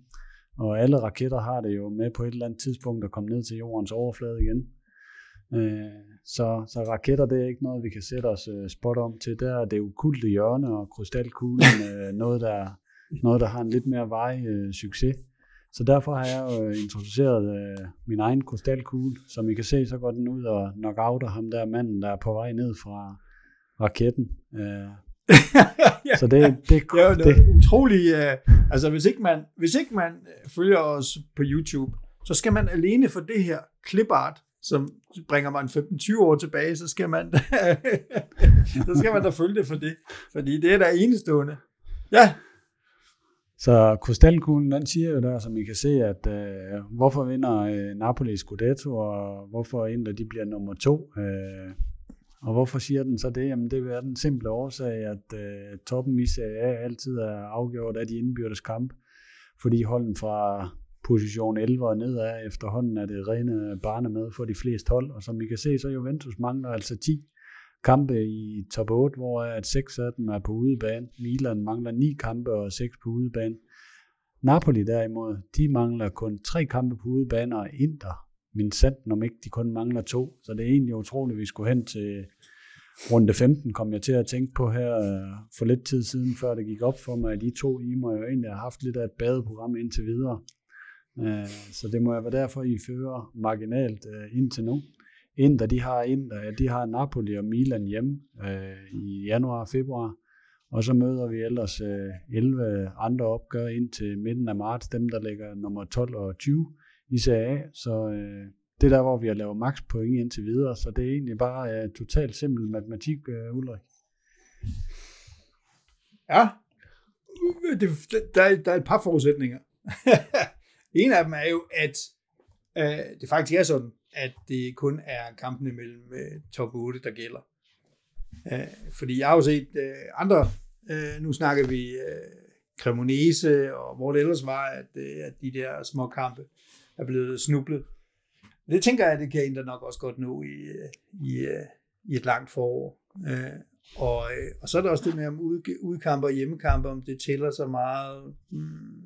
Og hvordan det? er det nu lige, hvordan er det nu lige ind, der har det mod de andre tophold? Hvor mange af de har vundet af dem? Jamen, det var jo det, som vendte her i Bergamo. Så det er jo bare, øh, fordi jeg hægte mig jo lidt fast ja. på Ulriks raket der lige inden den der Bergamo-kamp, og det gav så åbenbart held, ja. så, øh, så den bliver jeg ved med indtil, at Krystallen kunne Der er altså ikke plads til flere på min raket eller på mit hashtag. I, I tynger det ned nu. Ja. Uh, det, det er... Jeg, jeg kan jo bare sige, at historikken siger jo, at Milan de tog jo til Napoli i sidste sæson og vandt. De tog jo til Bergamo Sidste, nu skal de godt nok have Atalanta hjemme, men der vandt de jo også, så, så Milan ude eller hjemme, jamen altså, Kovacic tager jo med rundt omkring som det rejsende cirkus med 5.000, så det er stort set altid en hjemmebane, de har der, så det, det, er, det er irrelevant. Og vi så meget, ønsker at, jo... Øh, at Napoli, øh, jeg har altid sagt, at vi skal ind midt i marts måned, eller noget i den stil, før man kan begynde at sige, hvem det er, der der konkurrerer omkring Scudetto. Men hvis du tager Napolis januar måned, den hedder ude mod Inter, den hedder hjemme mod Juventus, og så hedder den hjemme mod Roma. Der har de øh, efter Inter-kampen, så skal de kun en tur til, øh, til hvem er det, de mangler, nu skal jeg lige se, øh, de mangler et udehold. Er de gode der til sidst? Det er Juventus, de har ude i 5. og 6. sidste runde. Derefter har de øh, ikke nogen af de store hold, øh, store hold ude rigtigt. Så øh, jeg tror, når vi går ud af januar, så kan man sige to ting. Det er, at øh, enten er det Napoli, der sidder tungt på det der, hvis de kommer ud af en god januar, øh, og bliver umulige at hente, eller så er det, at der er maks tre hold i spil, tre-fire hold i spil. Men nu, for det første så starter Inter jo friske fra fad lige efter, øh, lige efter den her VM-pause med lige at klaske Napoli på hjemmebane. Så går der lidt gummiben. Er vi nu overhovedet så gode, som vi er? Og hvad med alle de andre år? Så går der øh, to runder, så kommer Juventus på besøg. Vi nægter at have bolden. Vi forsvarer os bare i 85 minutter, og så skal vi lige have to kontraløb. Bum, bum. Så tager de også den kamp. Så er de helt, øh, så går der panik og så ender de med at få uafgjort mod Roma. Og lige pludselig så står, går vi ud af januar, og så er, så, så er det faktisk spændende igen. Og så mener I, så har I kørt en møre til når Milan kommer. Jamen så, så det bliver, hvis de så først begynder, og det mener jeg faktisk, det andet er, det andet er lidt drømmescenarie og pis, ikke? Jeg mener faktisk, hvis de taber to kampe, og det der 10, det lige pludselig bliver til 4, så tror jeg ikke på dem mere. Altså, så, så ved jeg, så, så, så er det simpelthen gummiben. Og der, der skal en psyke ud over det sædvanlige til at holde til det der. Øh, det tror jeg ikke, de har. Men hvis de ikke gør det der, og vi når et langt stykke hen, og de bliver ved med at vinde på den måde, så er det klart, at, at så er de både indlysende og fortjente mestre. Men jeg tror, de skal have de der to hak i tuden, to nederlag, hvor 10 bliver til 4, og så, så vil vi se, at, de, øh, at næverne kommer. Den eneste, jeg, jeg har hængt op på. For ellers... Jeg, jeg glæder mig i hvert fald til den kamp, der 4. januar, øh, når vi starter op igen, hvor de skal en tur til Milano imod Inter, fordi øh, jeg tror ikke, det, det er sjældent, jeg sidder og ser andre øh, øh, Calcio-fans øh, holde hold direkte med Inter, men det må da være en af de få kampe nogensinde, hvor at andre øh, øh, holdstilhængere vil sidde og håbe på en hjemmesejr der, øh, for at Napoli men, begynder men, at få lidt øh, gummi i, i stængerne. Det Man kan jo også sige bare, at det, det er en win-win Ja, ikke? Man kan leve med alle resultater fra den kamp jo. Nej, fordi øh, ikke hvis du vil være mester. Nu afslører du din, uh, dit uh, indre manglende tro på Milan, fordi Ej. hvis Napoli vinder over dem der, så lige pludselig så begynder det at køre for dem igen, og så, yeah. så det der. De skal have nogle hak i tuden. Det skal og de, men det er ikke sikkert, det behøver at være ved vinter jo.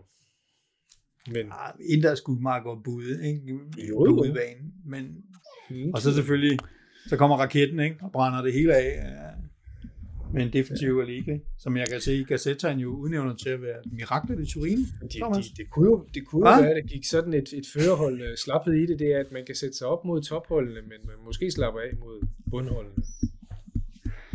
Vi når simpelthen ikke i dag at beskæftige os med italienske presse. Vi kan bare sige, at de tydeligvis er objektive.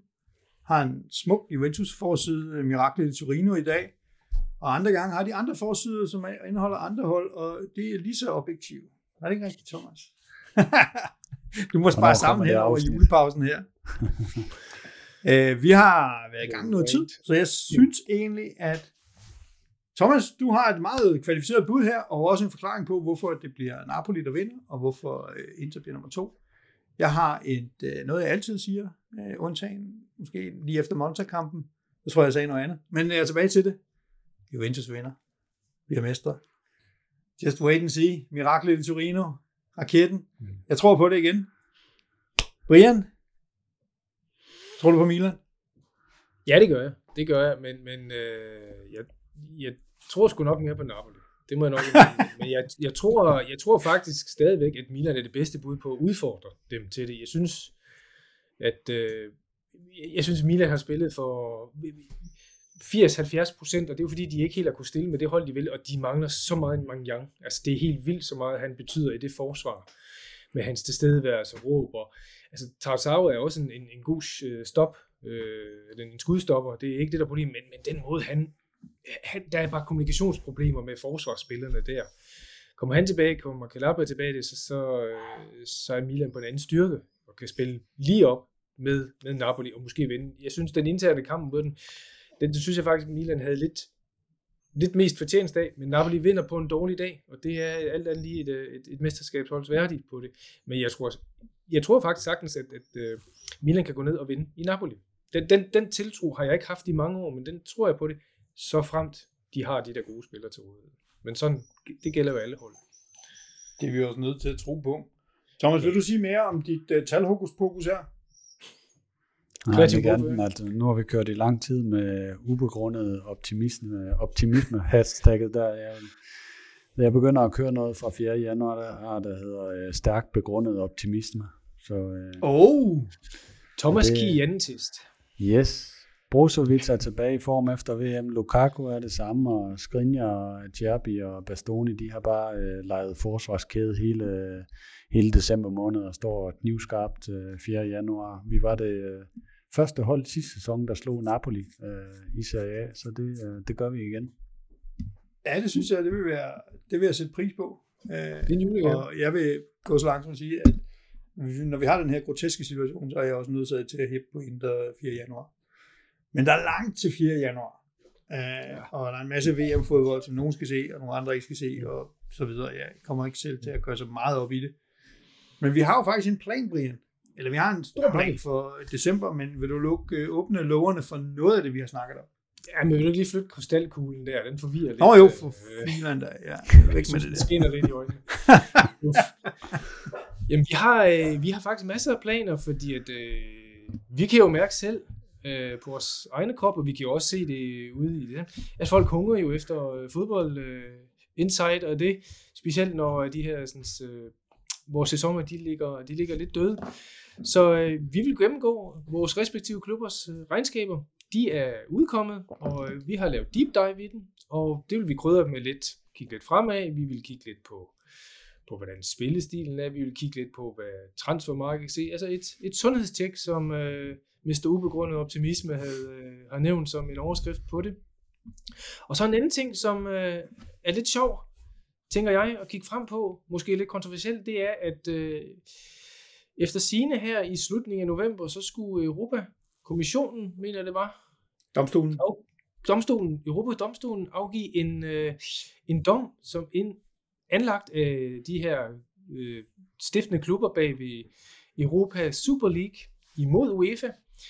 Og øh, lidt afhængig af, hvad det er for en dom, der kommer ud af det, så vil vi tage den op, fordi den kan jo godt genskabe Europa Super League igen, som har fået nye direktører. Og øh, der har vi da nok en gæst med ind og snakke lidt om, jamen, hvad er perspektiverne på, på det her? Er det fremtiden for fodbold? Er det undergangen for fodbold? Er det en mellemvej for fodbold? Er det, hvad er det? Vi kommer alt af i spil, og øh, lidt ligesom Lars Lykke, det kan vi godt lide at mudre rundt i, ikke? Så øh, den vil vi også tage op her en gang inden jul. Ja, det er, det, det vi glæder mig meget til. Og vi, vi har også øh, potentielt øh, en kvalificeret gæst, så det ikke bare er vores øh, tosserier, men øh, lad os tage det, når det kommer så langt. Og vi ved faktisk ikke, om den her europæiske domstol kommer med en udtalelse allerede i øh, november. Hvis de gør, så er vi på. Ja. Hvis ikke de gør, så bliver det i foråret, så tager vi den der. Og vores ja. sundhedstjek. Jeg, kunne, jeg bed meget mærke i den her sætning, du havde med, at alle folk hungrer efter fodbold. Og vi kan så glæde dem med, at der kommer regnskaber. det kræver en lidt bizarre øh, tankegang, at man så bliver voldsomt begejstret, hvis nu er det tre ældre Altså- mænd, der gennemgår regnskaber. Prøv, Men, at kigge på, prøv at kigge på Brøndby's fans, hvor meget de sidder og kigger på deres ejer og nuværende ejer, ikke? Og nu kommer Jamen, de det betyder jo meget, og det har vi jo tidligere, men vi ja. har også vist, at vi godt kan snakke om andet end det, men regnskaberne er jo lille juleaften for os, og de Ja. er kommet, og vi skal nok gå, øh, gå dem og igennem. der, en lille teaser for, at vi allerede kan, kan break nu, det er jo, at det er jo meget tre vidt forskellige regnskaber på det, ikke? Og det giver jo nogle nye diskussioner på det, hvordan øh, de her sådan, klubber er i deres udviklingsstadie. Alle vores tal er størst. Det har du ret i. Nej, det Ja. er Er du du sådan rød set eller ikke. sort? Det er jo med, det er jo med, det er jo, det er jo med altså negativ foretegn, ikke Indtægter, udgifter og underskud, alle tre øh, centrale parametre er størst hos os. Det, ja. Jeg Jeg kan Det er faktisk godt... gæld, øh, det er rigtigt. Gæld, det giver mening, hvorfor Thomas at ind Ulrik- med et, Det giver mening, du? hvorfor du sad og sagde lige før, at uh, du glæder dig utrolig meget til det der European Super League uh, dom og eventuelle afsnit, fordi hvis man er en af de tre stiftende klubber uh, med det uh, regnskab, du, uh, du snakker om der, så er det da klart, at man glæder sig rigtig meget, hvis man får en milliard euro for at være stiftende klub. Laporte den idiot. Altså, hvad foregår der? nu har vi, start igen. vi har ansat en rigtig, en lille tysk bamse til at gå rundt og sige søde ting, og interviews alle mulige steder, og være flink og venlig, og hele tiden være åben, og ikke øh, noget som helst. Og øh, så kommer Laporte bare og siger, at alting er ligesom det var engang, og det er lige så skævt som oprindeligt. Han er en idiot, og han skulle holde op med at sige noget. Sådan er livet. Men ja, men vi vender til tilbage til det. Vi ved jo ikke, om det bliver til noget. Lad os nu se. Uh, jeg synes jo heller ikke, det var rigtigt, det han sagde, men det er så en anden side. sagen. Vi følger i hvert fald op på det, når der kommer noget der, og øh, kommer nok også med noget klogt. Jamen, uh, det var sådan set det uh, for i dag, tror jeg. Vi kan slutte af med noget Rocketman. Dut, dut, dut. 12 point. Fire kampe. Hvem sagde det? Det gjorde jeg. Det kører nu. Ja. Hvad med noget krystalkugle? på stærkugle. Men jeg har kun sådan en øh, fjollet øh, øh, cirkusmelodi, jeg kan spille, men den kan jeg godt spille. Det er nok meget passende for øh, en udgang på, øh, på det her afsnit. Thomas, skal Men, du øh, hjernehealing, eller hvad? Nej, jeg, Ja, jeg, jeg, jeg, jeg søgte på noget, jeg søgte på noget musik, som havde sådan noget cirkusklang. det tænker jeg var passende. Fint. Kan I have øh, det er super, øh, og øh, vi øh, tales ved. Det var, det var ordene for den gang. Og øh, vi vender som sagt tilbage i den her periode med nogle sundhedstjek og øh, andre gode ting fra øh, CA-periferien. Ej, vi har slet ikke noget at fortælle om. Har I, set, har I set det der med øh, dommer, en af direktørerne for Dommerforeningen? Ja, Italienske drug dommerforening. trafficking. Ind, Og, og, indsmugling. og ved, ved, du, ved, ved du, hvad det værste var, det var? Jeg sad, jeg sad og læste, og jeg blev ikke overrasket. det er sådan set, altså, normalt så må man sige, ej, en skandale, nå, undskyld, Italy, ikke? Altså, Til dem, der ikke øh, har fulgt med i den her PFR mærkelige sag, en af direktørerne i øh, den italienske dommerforening øh, nu blevet arresteret sammen med en del andre mennesker for at smule, var det 8 ton øh, øh, hash og marijuana ind i Italien. Ja. Øh, det er stadig, stadigvæk specielle folk ved at sidde i den dommerforening. det må man sige. Det må man sige. Således opløftet. Således opløftet. Kan I øh, have det godt, og vi tales ved om ikke så længe. Hi. Hi.